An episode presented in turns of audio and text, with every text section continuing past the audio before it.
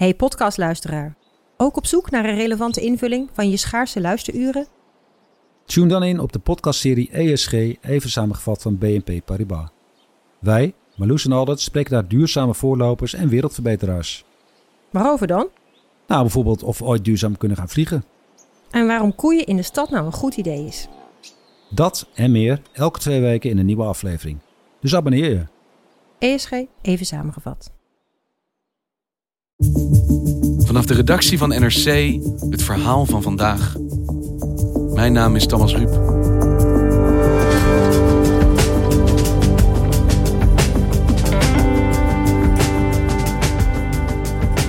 Hij heeft één dag geduurd. De gijzeling van NOS-journalist Robert Bas. Donderdag werd hij door de rechtbank vastgezet omdat hij weigerde te getuigen in een moordzaak.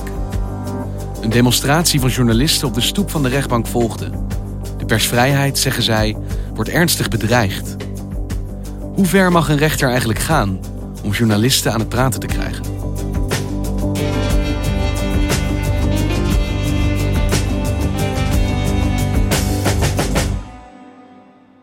En om even bij het begin te beginnen, in welke strafzaak is het dat Robert Bas betrokken raakte? Ja, dit heet uh, de Berkelse vergismoord. Was de eerste moord in het jaar 2014. Uh, het slachtoffer heet uh, Rob Zweekhorst. Um, die liet op 1 januari notabene s'avonds zijn hond uit in het dorp waar hij woont. Berkel dus. Berkel en Rode Reis. En hij kwam niet meer thuis. Hij is doodgeschoten door uh, een onbekend iemand. Maar op een manier die duidelijk maakte dat dit een professionele liquidatie was. Volkert Jensma is juridisch commentator en schrijft wekelijks over het functioneren van de rechtsstaat. Er was al meteen twijfel over de vraag: uh, was dit de juiste man?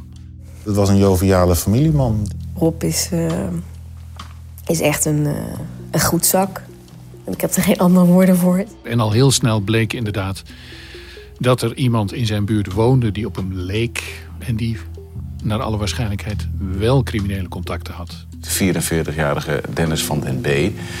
Die zou betrokken zijn geweest bij de invoer van 300 kilo cocaïne in de Rotterdamse haven. Dat was het doelwit. En Zweekhorst was het slachtoffer. Volkomen onschuldige buitenstaander. Na enige tijd in 2018 komt de politie tot een verdenking tegen de meneer F. En die verdenken ze ervan opdracht te hebben gegeven tot deze moord. En die is dan ook gearresteerd. Er wordt onderzoek gedaan, er wordt een strafdossier samengesteld. Er wordt getapt, er wordt geobserveerd, er worden sporen veiliggesteld. En op enig moment gaat het in een map en dan gaat het naar de advocaat van de verdachte. En die ziet daarin dat er tapgesprekken in zitten uh, en dat daarin ook een journalist voorkomt. En wat doet hij dan als hij dat ziet? Uh, en dan besluit hij om die journalist uh, als getuige op te roepen bij de rechtercommissaris. En die journalist is Robert Bas. Ja, uh, zo komt Robert Bas via een zijpad in het dossier terecht en in de strafzaak.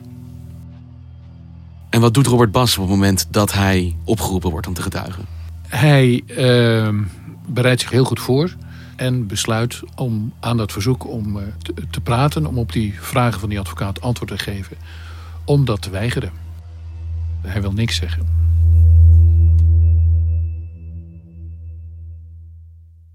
En hoe komt het dat René F. en zijn advocaat überhaupt wisten dat Robert Bas met deze bron gesproken had? Brengt dat Robert Bas niet ook in gevaar?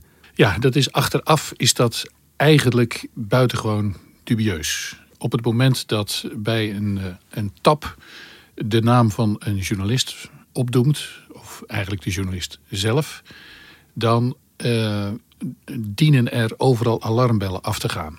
Want journalisten, net zo min als je ze zomaar mag fouilleren of volgen, of, uh, enfin, mag je ze zeker ook niet zomaar afluisteren. Voor een journalist kan dat uh, heel gevaarlijk zijn. Ja, met name natuurlijk voor een journalist die zijn werk doet in de onderwereld, of in ieder geval verhalen daarover schrijft. Als jouw naam in dit soort strafdossiers opduikt, dan ben je natuurlijk wel bang dat dat jou mogelijk tot een doelwit kan maken. Als mensen weten, hij weet meer van deze zaak, dat kan een gevaar zijn. Ja, precies. Want mag je als journalist zeggen: nee, ik verklaar hier niet? Ik heb, heb je dat recht? Ja, dat, uh, dat recht heb je. Eh, een journalist hoeft niet te verklaren.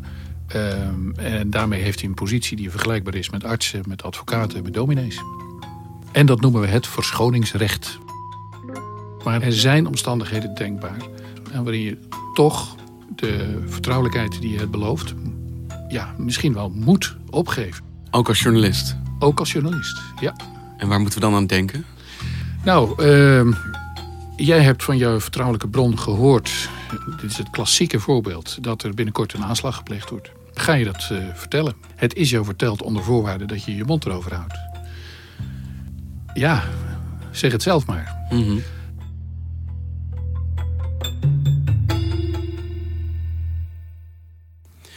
Oké, Robert Bas zegt: Ik kom niet verklaren. Ik beroep me op mijn verschoningsrecht. Ja. Wat gebeurt er dan vervolgens in die zaak? Ja, dan heeft de rechter een soort uiterste dwangmiddel. Ik zou bijna zeggen een middeleeuws dwangmiddel. eh, en dat heet gijzeling. Gijzeling. Want ik denk dan in eerste instantie aan een, eh, aan een busje, mannen met bivakmutsen en een, eh, een gijzelaarssituatie. Ja, eh, gijzeling is ook een misdrijf. Eh, daar staat 15 jaar eh, cel op, maximaal. Eh, dus het is ook heel ernstig. Maar dit is gelegitimeerde gijzeling. Je wordt hier in de cel gestopt met de mededeling... we houden je hier vast totdat je doet wat de rechter van je vraagt. En de rechter besluit dus in dit geval over te gaan tot dit pressiemiddel. Robert Bas wordt gegijzeld. Ja. Hoe lang kunnen ze hem vasthouden? Nou, zijn vooruitzicht toen was dat hij binnen drie dagen eh, toegang had tot eh, de raadkamer gevangenhouding. Dat zijn drie rechters die eh, opnieuw bekijken of de gijzeling mag voortduren.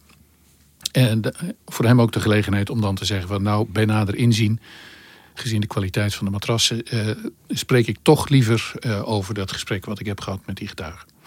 Eh, maar als hij weigerachtig blijft wat hij van plan was, ja, dan wordt die termijn verlengd en verlengd en verlengd. Steeds dan met twaalf dagen. En dat is dan de vraag, zeg maar, hoe lang Ja. ben je bereid vast te zitten Ja. zonder te spreken? Ja. De termijn is niet eindeloos. Als het gerechtelijk vooronderzoek klaar is, eh, dan verloopt ook automatisch de gijzeling. Dus je weet, dit is vanzelf over. Maar het kan wel een hele tijd duren. Dat kan weken duren, kan ook maanden duren. Een gijzeling, dat kun je eigenlijk het beste zien als een soort staring contest tussen de rechter ehm, en in dit geval de journalist. Dus wie het eerst met zijn ogen knippert, eh, die heeft eh, verloren. Vanochtend werd duidelijk dat de rechtbank in Rotterdam NOS-verslaggever Robert Bas in gijzeling houdt. serieuze zaak. Hij wordt vastgehouden omdat hij eh, als getuige in een strafzaak weigert te praten over zijn bron. Ja, die gijzeling is zacht gezegd niet onopgemerkt gebleven. Dat heeft tot heel veel media-aandacht en ophef ook geleid de afgelopen dagen. Ja, de vlammen gingen opeens eh, in de pan. Ehm, iedereen was eh, geschrokken. Ik trouwens ook. Laat Robert vrij! Laat Robert vrij! Tot eh, mijn niet geringe verbazing eh, ontstond er zelfs een spontane demonstratie eh, van journalisten in Rotterdam. Het zag er eerlijk gezegd wat onwennig uit. Ik geloof dat een man of zestig maar liefst daar toch naartoe zijn gegaan. Protesterende journalisten die normaal verslag doen van demonstraties, maar nu zelf de straat op gaan. Wat deze zaak ingewikkeld maakt is dat de naam van de bron van Robert Bas bekend is. En dat de informatie die hij heeft gegeven ook bekend is. Eh, dus de redenering van eh, de rechter was aanvankelijk van... nou ja, welke bron wilt u eigenlijk beschermen? We weten wie het is. Maar het punt van Bas is, en daarmee ook de zorg van de mensen die kwamen demonstreren... je weet natuurlijk altijd meer. Je hebt altijd meer bronnen besproken. En op het moment dat je wordt bevraagd over... ja, maar waarom stelde u dan deze vraag? En hoe, hoe komt u erbij om te denken dat degene die u spreekt dat en dat kan vertellen? Dan wordt er dus dieper geboord naar jouw kennis. En daar zitten natuurlijk andere bronnen. Eh, en voor je het weet, dan ben je je hele eh, adresboekje eh, kwijt.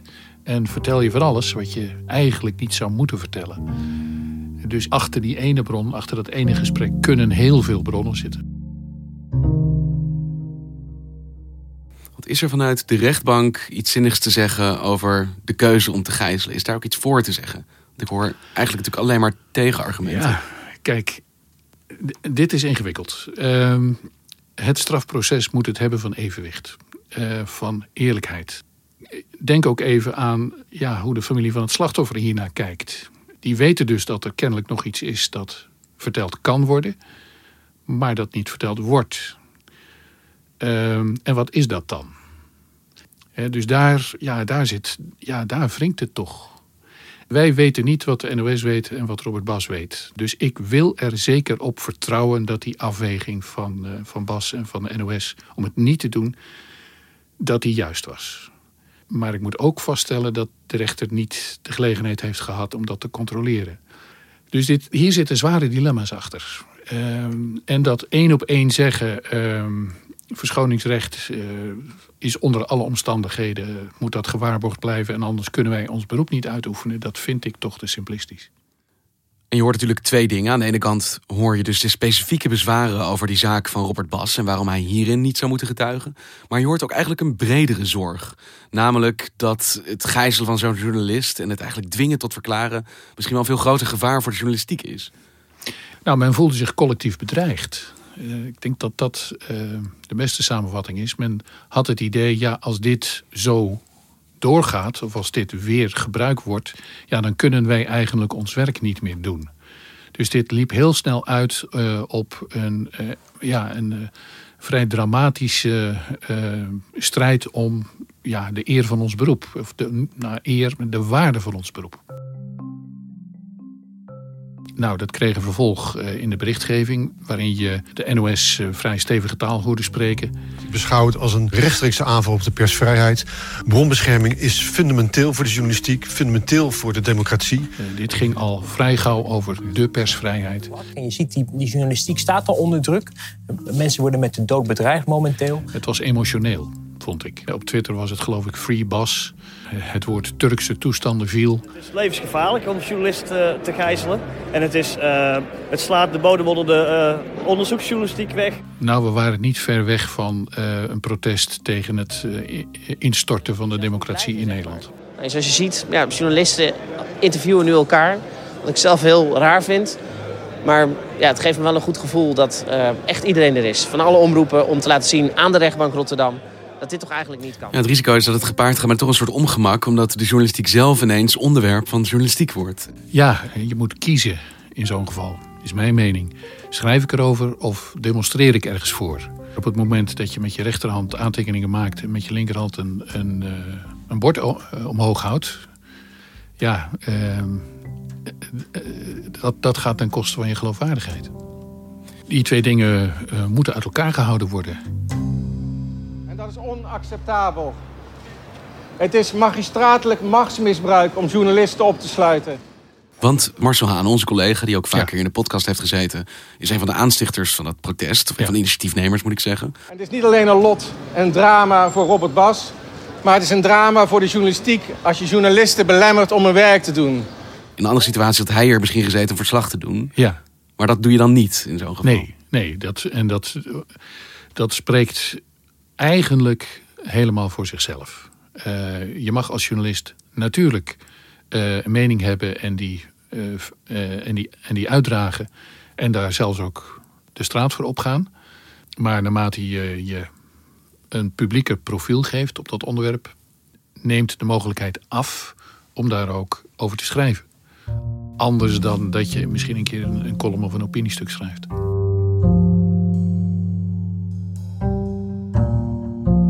En hoe loopt het af voor Robert Bas? Nou, het is al afgelopen, het is klaar. Een poging om hem uh, uh, te laten getuigen is mislukt en er is geen herkansing.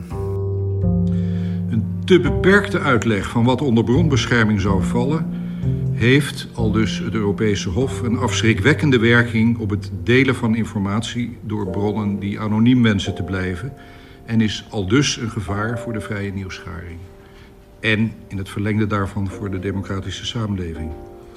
De rechter heeft uh, duidelijk laten merken dat bronbescherming echt heel zwaar weegt, dat het enorm belangrijk is. Uh, het is een basisvoorwaarde voor de vrije journalistiek. Het, uh, het ondersteunt de, de zogeheten publieke waakhondfunctie van de pers. En, dat kon je ook wel lezen in deze laatste beschikking, de rechter wil voorkomen dat het maatschappelijk klimaat waarin journalisten en burgers uh, samenleven verkilt. burgers moeten niet de indruk hebben dat journalisten snel kunnen worden opgesloten, dat ze kunnen, snel kunnen worden afgeluisterd. Die journalisten hebben, verdienen echt een beschermde positie. Die term verkilling die komt uit de Europese rechtspraak, chilling effect, dat moet voorkomen worden. En als je dus snel gaat gijzelen of snel gaat tappen of snel gaat volgen en fouilleren en zo, dan, dan bederf je dat. Conclusie. U mag zich als journalist dus met recht op uw verschoningsrecht beroepen. En daarmee is de grondslag voor de gijzeling komen te vervallen. En dan luidt de beslissing in de wetstermen, eh, de termen van de wet, dat de rechtbank u ontslaat uit de gijzeling. Dus in de motivatie heeft de rechtbank deze zaak dus ook wel iets breder getrokken dan alleen het geval van Robert Bas en wat hij hier in deze zaak wel of niet zou kunnen toevoegen. Zou zeggen, die gijzeling is een gevaar voor de journalistiek aan zich. Het kan een effect hebben waardoor het moeilijker wordt voor journalisten om hun werk te doen. In ieder geval voor deze journalist. Uh, maar dat mag, dat mag, je best breder trekken. Uh, en dat, dat deed eh, Robert Bas in zijn, in zijn eigen tweet uiteindelijk ook. Hij zei: Dit is heel fijn, ook voor de hele journalistiek. En daarin heeft hij gelijk. Uh, hè, dit is dus de, de vierde keer uit mijn hoofd dat er een gijzeling is mislukt. en daarmee is het middel dus nog ja, nog botter, nog waardelozer geworden dan het al was. Maar jij denkt dat het feit dat ook in dit geval die gijzeling niks heeft opgeleverd voor de rechtbank, uh, de positie van de journalistiek ja. in Nederland misschien wel weer iets meer beschermd heeft ja, tegen ja, dit middel? Ja, die is bevestigd. Uh, hè, er is op donderdag iemand gegijzeld, die is op vrijdag spoorslags vrijgelaten. Uh, met een ander oordeel van dezelfde rechtbank. Nou, dan, hè, als je daar juridisch naar kijkt, dan denk je van He, dit, bij hun koffieautomaat heet dit een uitglijder.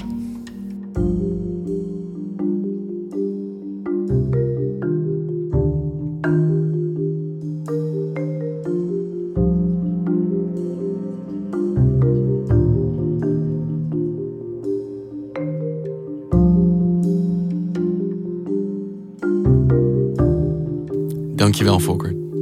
Het was me genoeg, Thomas.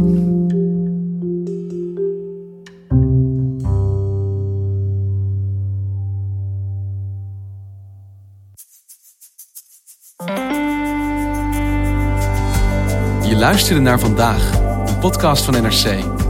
Eén verhaal, elke dag. Dit was vandaag, morgen weer.